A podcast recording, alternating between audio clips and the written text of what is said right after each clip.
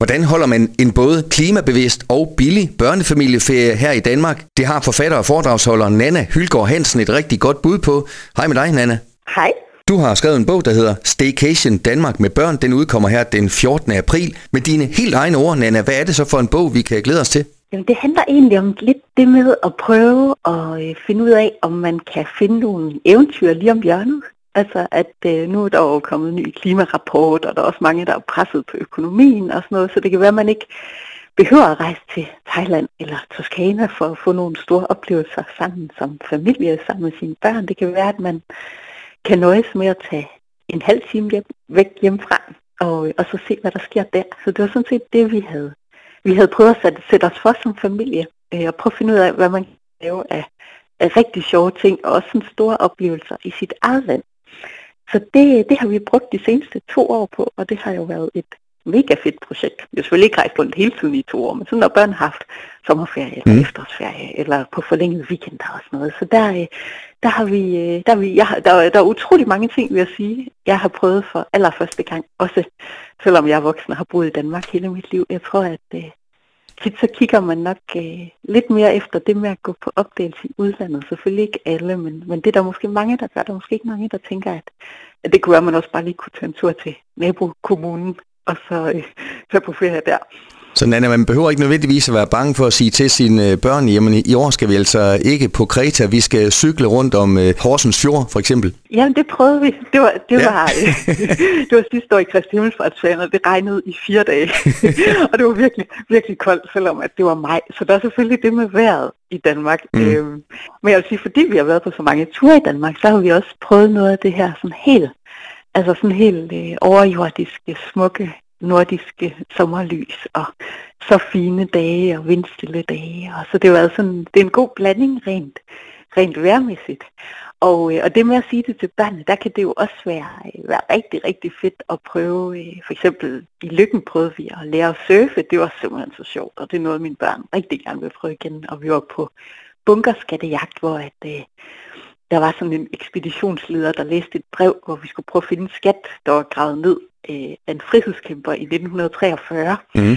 Og så havde vi sådan nogle GPS'er med, og så skulle vi ind i bunkerne og finde koordinater, og nogle af dem lå nogle steder, hvor det nærmest kun var børn, der kunne kravle ind, og de var inde og rappelle sådan nede midt i sådan en stor bunker og grave efter en skat i sandet og sådan noget. Så det har været altså nogle virkelig sjove også børneaktiviteter, synes jeg. Også noget, hvor man kan komme hjem og fortælle klassekammeraterne efter ferien, at man har lavet nogle fede ting. Der er også mange af oplevelserne i den her nye bog, der er gratis. Der er også nogle af dem, der ikke er, hvor at, øh, det hvis, er, hvis man nu havde et feriebudget, man så vælger at ligge i Danmark i stedet for. Men jeg har også en masse, jeg har en masse tips til, hvordan man kan gøre det billigt.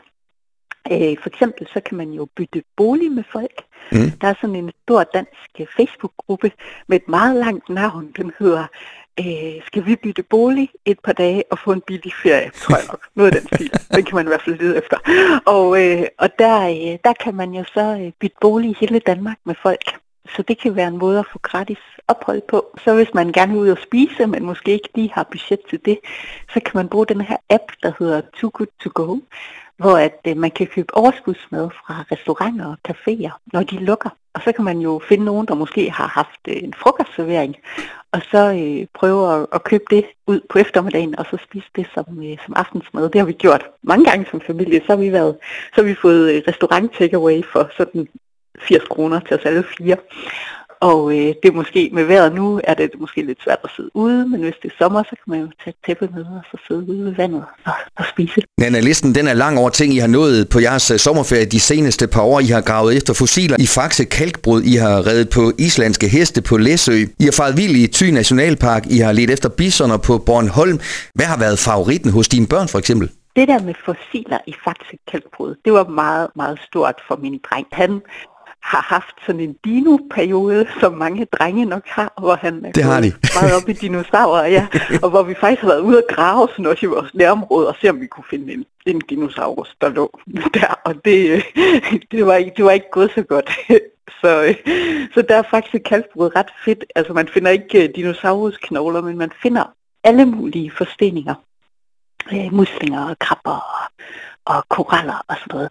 Og det er gratis. Øh, det kan man faktisk. Det er sådan et kæmpe, kæmpe stort menneskeskabt hul i jorden, øh, hvor at øh, man bare kan gå ned, og så kan man selv have taget en hakke med, eller et eller andet sådan, og, eller en hammer eller noget. Så, så må man gerne øh, hakke de her fossiler løs. Så det er i hvert fald en, en ret fed familieaktivitet. Nu er du jo ret god til at fortælle om det, men sådan hånden på hjertet, skal man ikke være god ja. til at forberede tingene sådan lidt hjemmefra? Øh, eller er I bare sådan kørt øh, afsted ad hoc? Eller, nej. eller har I, I har lavet en masse forberedelse undervejs? Jeg har, jeg, har haft en, jeg har haft en plan, og det tror jeg er nok øh, altså meget godt også det der med lige at se sådan... Øh, Mm. Både hvad man gerne vil lave, og også vide, hvor man skal sove, når man har børn med. Det er meget rart. Og øh, ja, så, øh, så jeg har planlagt øh, det meste, ud over maden. Det har vi sådan fundet ud af undervejs. Men øh, jo, ellers så har jeg lavet en plan. Og, det, øh, og bogen er egentlig også sådan ret meget... Øh, det er både sådan en beskrivelse af, hvordan det var, og vores oplevelser, men det er også en håndbog, hvor man kan se, at sådan her gør man selv. Og det her, det er adresserne, og her er links, og og, øh, og udover at jeg sådan øh, skriver for eksempel om Thy og Nationalparken der, der var vi rundt og, og vandre og far vild, og det var også ret skægt. Altså så er der også nogle, nogle tips til, hvor kan jeg ellers øh, far vild i en nationalpark, og hvor, hvor i landet kan jeg ellers sejle ud midt på havet og fiske. Så det er sådan, øh, der er også nogle idéer til nogle andre steder i landet, man kan gøre de her ting, hvis man nu ikke lige skal til Ærø eller til Læsø, men man faktisk er på Fyn. Så, øh, ja, så prøver jeg sådan nogenlunde at dække hvor man, øh, hvor man kan lave de her aktiviteter.